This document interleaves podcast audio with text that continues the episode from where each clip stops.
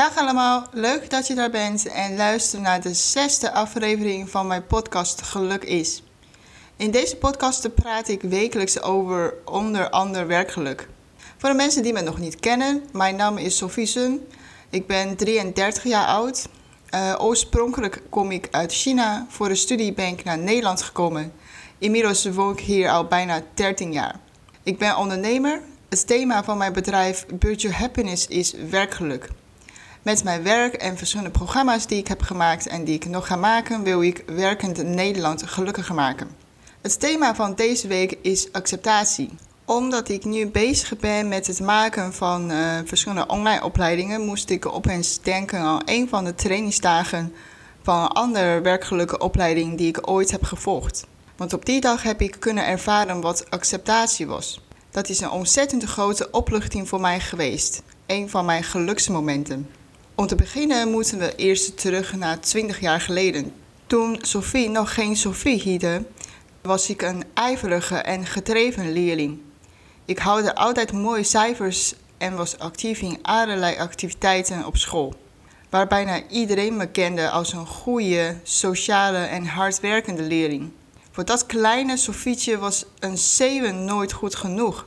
En achter was de ondergrens.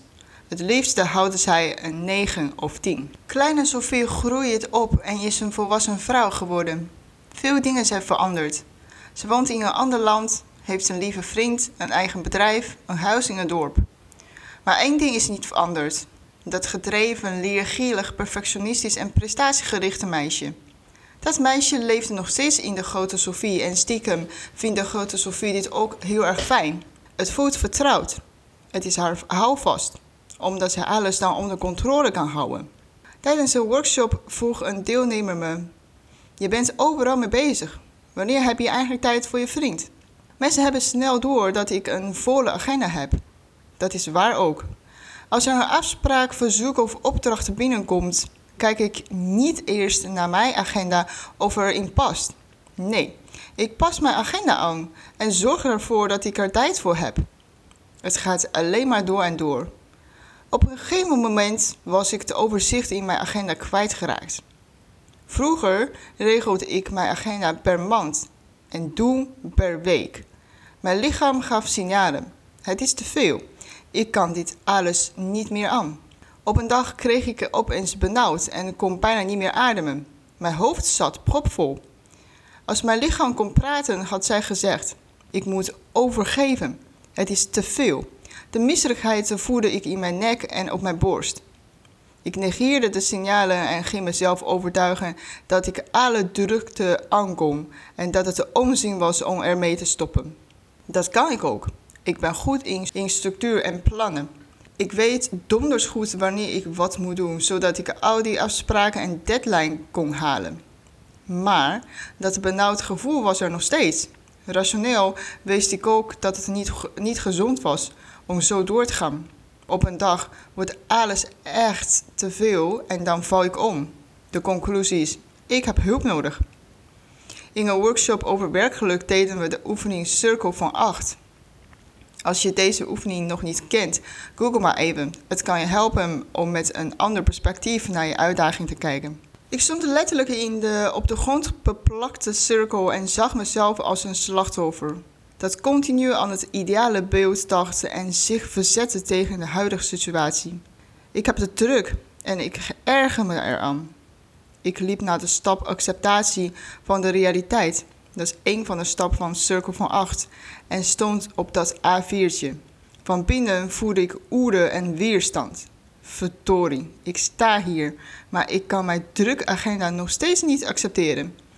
Ik ging zelfs vragen aan de mensen die om me heen stonden. Wanneer weet ik dat ik de realiteit heb uh, geaccepteerd? Je voelt het, zeiden ze in koor. Shit, ik voel het helemaal niet. En ik sta daar gespannen als een opstandige puber. Hier zat ik uh, een paar weken mee en wist niet zo goed waarom ik de realiteit niet kon accepteren. Ik wil het wel, maar hoe? Waarom lukt het me niet?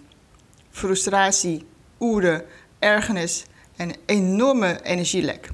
Ik was moe, continu moe. Ik sliep licht of niet. Ik weet dat de situatie veranderd moet worden, maar hoe? Het goede nieuws is dat ik het antwoord een paar dagen later heb gevonden. Ik zat samen met een andere coaches in een training en begon erover te praten over de oefening uh, van de cirkel van 8. Ik vertelde waar ik mee zat. Toen zei de trainer: Misschien ligt daar nog een laagje onder je drukagenda. En dat klote gevoel dat je te druk hebt. Bam, dat is het. De drukte kan ik wel aan. Wat ik niet kan permitteren is dat het feit dat ik het klote gevoel kreeg van de drukte. Ik ben bezig met het thema werkgeluk. En hoe kan het zijn dat ik me klote voel in plaats van gelukkig? Dat kan gewoon niet en dat mag ook niet van mij. Ik probeerde dit gevoel en bijbehorende emoties weg te duwen en onderdrukken. Het gevolg is dat het gevoel door mijn verzet alleen maar sterker is geworden. Het gekke is dat ik zo diep zat dat ik bijna vergeet om te voelen. Ik gebruikte alleen mijn hoofd en zag ook alleen mijn agenda. Dat klote gevoel zal net als de gedrevenheid, leergierigheid, perfectionisme en prestatiegerichtheid in mij mogen staan, omdat het een deel van mij is. Toen ik me dit eenmaal realiseerde, voelde ik dat blokje in mijn hoofd ging bewegen. Mijn hele lichaam ging stromen. Dat relaxte gevoel was voelbaar. Ik zat opeens anders op een stoel, keek anders en had een andere gezichtsuitdrukking. Ik voelde me licht, opgelucht en ervoer voor het eerst het fijne van het hier en nu, van de acceptatie en van afscheid van dat slachtoffer. Ik ben nog steeds de Sophie die gedreven, hardwerkend, leergierig en resultaatgericht is. Met acceptatie van dat klootgevoel. Zo ben ik completer en dichter bij het ware zelf. En ook gelukkiger. Hoe ga jij meestal om met acceptatie? Ik ben benieuwd. Heb je vragen? Laat me maar weten via sophie uit budgethappiness.nl.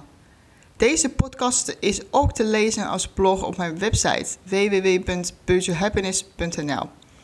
Hartelijk bedankt voor het luisteren. Volgende week gaan we het hebben over eenzaamheid. Wil je de verhalen niet missen?